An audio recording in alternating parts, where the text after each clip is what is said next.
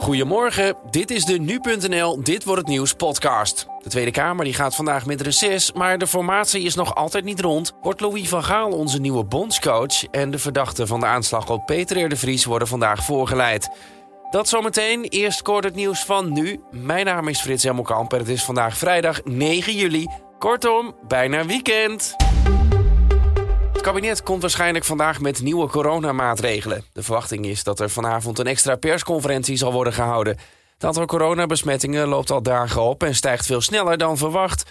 Coronaminister Hugo de Jonge heeft het OMT daarom om een spoedadvies gevraagd. In het midden van Zweden is een vliegtuigje neergestort. In het toestel zaten negen mensen, acht parachutisten en de piloot. Geen van hen heeft de crash overleefd. Waardoor het vliegtuig is neergestort is niet duidelijk. Een paar weken geleden gebeurde in ons land een soortgelijk ongeluk. Een vliegtuig met 17 parachutisten kwam in de problemen boven Gelderland. De piloot wist een noodlanding te maken en alle inzittenden kwamen met de schrik vrij. Amerikaanse militairen zullen eerder uit Afghanistan zijn vertrokken dan vooraf gedacht. President Biden zei eerder dat de laatste militair op 11 september het land zou verlaten, maar de terugtrekking gaat sneller dan gedacht. Biden gaat er nu vanuit dat de VS al op 31 augustus uit Afghanistan is vertrokken, een paar weken eerder dus dan gepland. Amerika trekt zich terug omdat volgens Biden de doelen zijn behaald namelijk de ontmanteling van Al-Qaeda en het doden van Osama Bin Laden. De Nederlandse turnploeg die mee zou doen aan de Olympische Spelen in Tokio is per direct in quarantaine gegaan. Tijdens een preventieve coronatest vlak voor vertrek bleek een van de deelnemers positief te testen. Of het om een van de sporters of een staflid van Team NL gaat is niet duidelijk. Welke gevolgen dit allemaal zal hebben voor de Nederlandse deelname aan de Spelen is ook nog niet bekend.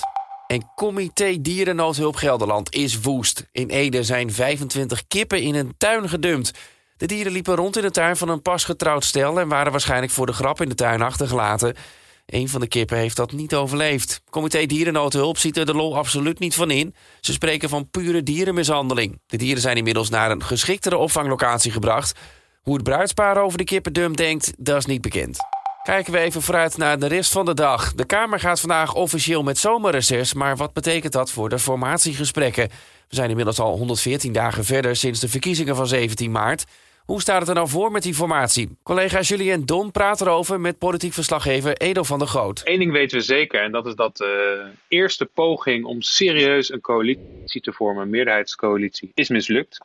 Uh, dus er is een soort van noodmaatregel uh, in stelling gebracht. En dat is dat VVD en D66 gewoon alvast maar beginnen met schrijven aan het begin van een uh, regeerakkoord. Daar zijn ze al aan begonnen. De luiken zijn even dicht, dus we weten niet wat de voortgang daarvan is. Worden we ook niet van op de hoogte gehouden. Maar het idee is dat half augustus dat ze daarmee klaar zijn. En dat er dan andere partijen worden verleid om ook aan te schuiven. Opmerkelijk toch? Terwijl eerst gezegd werd van ja, dit heeft best wel haast. Het land is toe aan een lijn, aan de richting. Toen werd opeens van nou weet je, we moeten ook uh, kijken met wie we kunnen samenwerken. En die haast lijkt nu ver te zoeken. Ja, klopt. De druk om tot een snelle formatie te komen is volledig verdwenen, inderdaad. Er is uh, geen haast meer. En eigenlijk als we niet zo heel lang uh, terugkijken, is dat inderdaad heel opmerkelijk. Hè? Want in de campagne, toen we nog echt uh, midden in de crisis zaten, tenminste, dat werd ons verteld, uh, door een andere VVD-leider Mark Rutte, die zei van ja, we moeten echt in april, net na de verkiezingen, moeten we gelijk al een vliegende start maken, want de economie moet aangeslingerd worden. bedrijven willen weer zekerheid en duidelijkheid. We hebben Sigrid Kaag horen zeggen dat ze voor de zomer een kabinet wil. Uh, CDA-leider Wopke Hoekstra had het over vooruit met de geit. Die wilde haast maken. Maar goed, inmiddels uh, is die haast volledig verdwenen en wordt er rustig achter gesloten deuren geformeerd. En is er eigenlijk nog in één enkele dag serieus onderhandeld. Ja, dat heeft natuurlijk ook een beetje te maken met dat het economisch goed gaat. Economische cijfers over het algemeen. Natuurlijk zijn er ondernemers die het heel zwaar hebben nog steeds. Maar over het algemeen doet de economie het gewoon heel erg goed. De werkeloosheid valt ook heel erg mee. Dat zeggen althans de mensen van het Centraal Planbureau. En dat is allemaal terug te zien in de economische cijfers ook. Ja, en de coronacijfers gingen, met nadruk op gingen, min of meer de goede kant op. Dus meer vaccinaties en minder ziekenhuisopnames en besmettingen. Precies, daar zeg je wat. Die coronacijfers nu de laatste dagen verder oplopend. Uh, het laatste van gisteren, donderdag, wat binnenkwam, bijna 5500 besmettingen. Dat gaat verre van de goede kant op. En dat is toch iets wat uh, lijkt mij het kabinet zorgen baart. Ja, zeker. Iedereen maakt zich eh, hartstikke veel zorgen in Den Haag. Uh, dat zeg ik een klein beetje cynisch, want uh, met zorgen kom je niet zo ver namelijk. Ja goed, er is een spoedadvies aangevraagd hè, bij het OMT. En het kabinet gaat er vandaag op reageren of er extra maatregelen nodig zijn. Dat hangt al de hele tijd een beetje in de lucht. Van ja, wordt er nou iets gedaan, ja of nee? Wordt het nachtleven bijvoorbeeld weer even op een pauze gezet? Want we hebben gezien dat daar vooral veel besmettingen vandaan komen. Ik heb het eigenlijk al vorige week aan uh, Hugo de Jonge, minister van uh, Volksgezondheid, gevraagd. Ja, wat gebeurt dan eigenlijk als die ziekenhuiscijfers uh, laag blijven, maar het aantal besmettingen oplopen? Ja, eigenlijk een beetje wat we nu zien. Al weten we nog niet natuurlijk wat die extra besmettingen betekenen voor de ziekenhuiscijfers. Maar hij zegt van ja, als die ziekenhuiscijfers laag blijven, maar besmettingen stijgen, ja, dat zou eigenlijk alleen maar mooi zijn.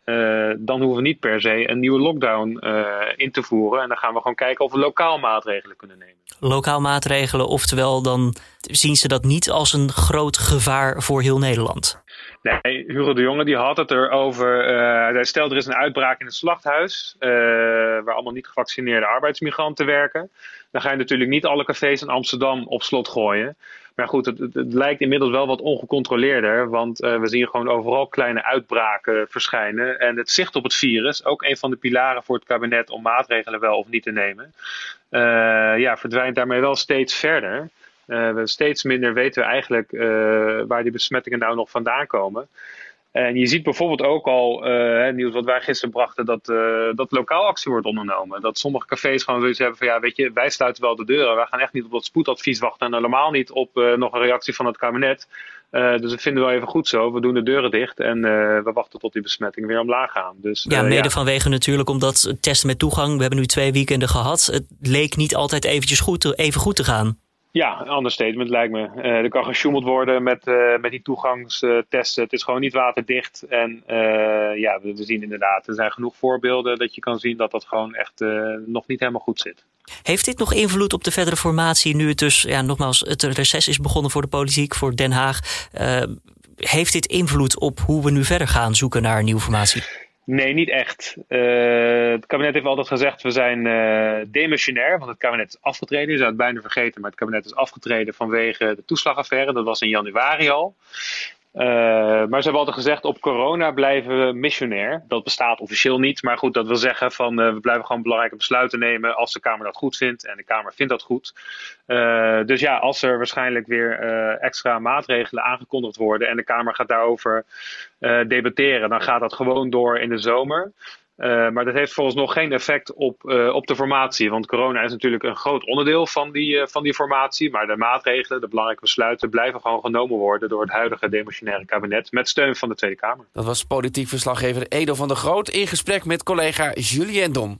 Gisteren werd bekend dat de KNVB naar Portugal is gevlogen om met Louis van Gaal te praten. Van Gaal zou bovenaan de wensenlijst staan om Oranje naar het WK van 2022 in Qatar te loodsen. Twee keer eerder stond de Nederlander al aan het roer van Oranje. In 2002 wist hij zich echter niet te kwalificeren voor het WK in Azië. Hoe dan ook, terug naar Van. Bij het WK in Brazilië in 2014 was hij voor de tweede keer de bondscoach. En toen schopte hij het met Oranje tot de halve finales. Nederland won uiteindelijk het brons. Hartstikke leuk. Collega Julien Dom praat erover door met voetbalverslaggever Riepke Bakker... en vraagt of hij verbaasd is dat de KNVB nu weer bij Van Gaal uitkomt. Nee, dat verbaast mij niet. Uh, en waarom niet? Omdat de afgelopen dagen niet het bericht kwam dat hij het niet wilde worden. Uh, van Gaal heeft wel enige lijntjes met de media... en als hij het echt niet gewild had, ja, dan had hij dat wel ergens laten doorschemeren. Dat is niet gebeurd. Sterker, afgelopen zaterdag uh, was hij bij de KNVB, was hij bij de Oranje Vrouwen in Zeist om een prijs uit te reiken aan, uh, aan Sarina Wiegman en aan Viviane Miedema.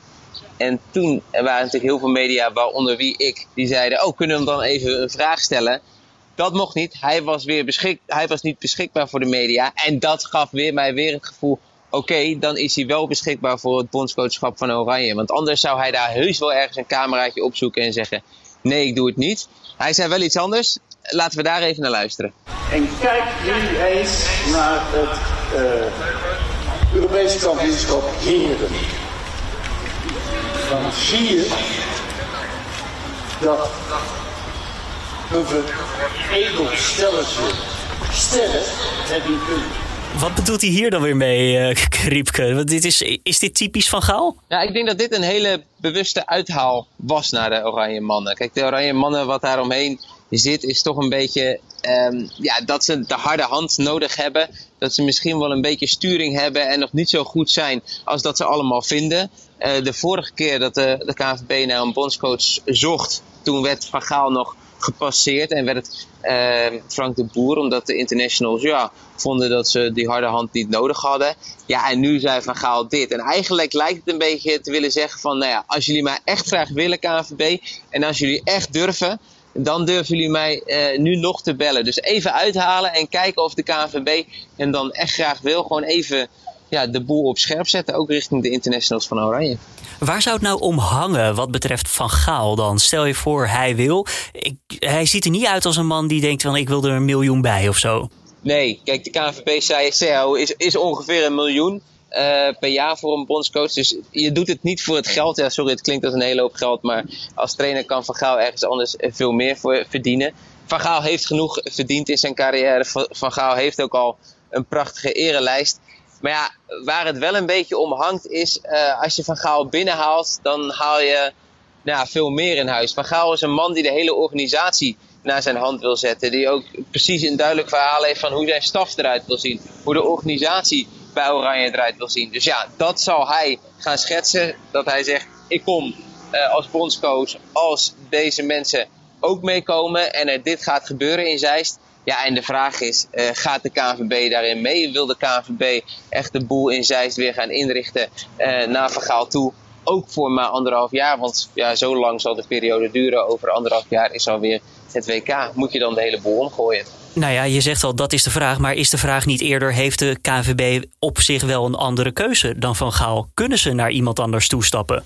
Nou ja, ze hebben zichzelf redelijk vastgezet door te zeggen: we willen een soort baas. We willen een een, een chef, iemand die boven de partijen staat. Nou ja, dat zijn er in Nederland niet zo heel veel. Dat was Frank de Boer niet, dat is Philip Cocu niet, dat is Van Bronckhorst niet. Ja, dat was Koeman wel, die werd heel duidelijk genoemd. Maar ja, die ligt nog vast bij Barcelona. Je zou dat van Peter Bos kunnen zeggen. Maar ja, die heeft net getekend bij Olympique Lyon. Dus ja, verder zijn er in Nederland geen opties meer, behalve Louis van Gaal. Dus het is eigenlijk, als je een Nederlandse coach wil, alle ballen nu op Van Gaal. Ja, de KVB wil duidelijk haast maken met het besluit over de nieuwe coach. 1 september speelt Oranje als een eerste kwalificatieduel voor het WK van volgend jaar in Qatar. Je collega Julien Dom in gesprek met onze sportverslaggever Riepke Bakker.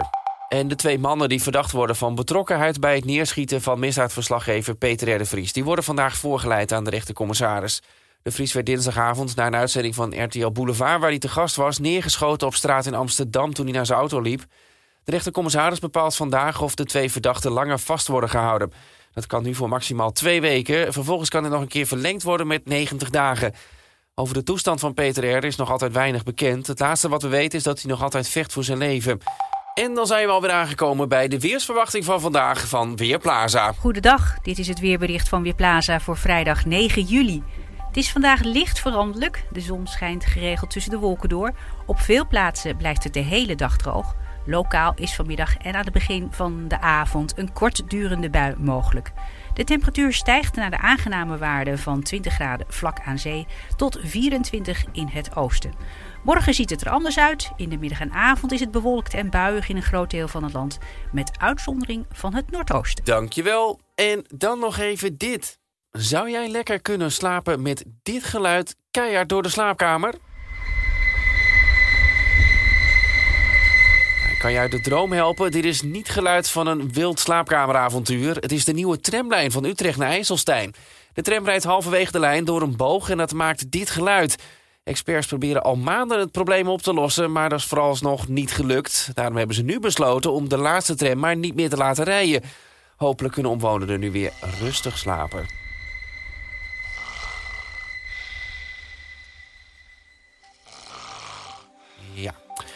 En dit was hem weer, de Dit Wordt Het Nieuws podcast. Tips en feedback die zijn altijd van harte welkom. Kun je even mailen naar podcast.nu.nl. Voor vandaag wens ik je een hele fijne dag en natuurlijk alvast een heel fijn weekend. Mijn naam is Frits Helmelkamp. Goedemorgen.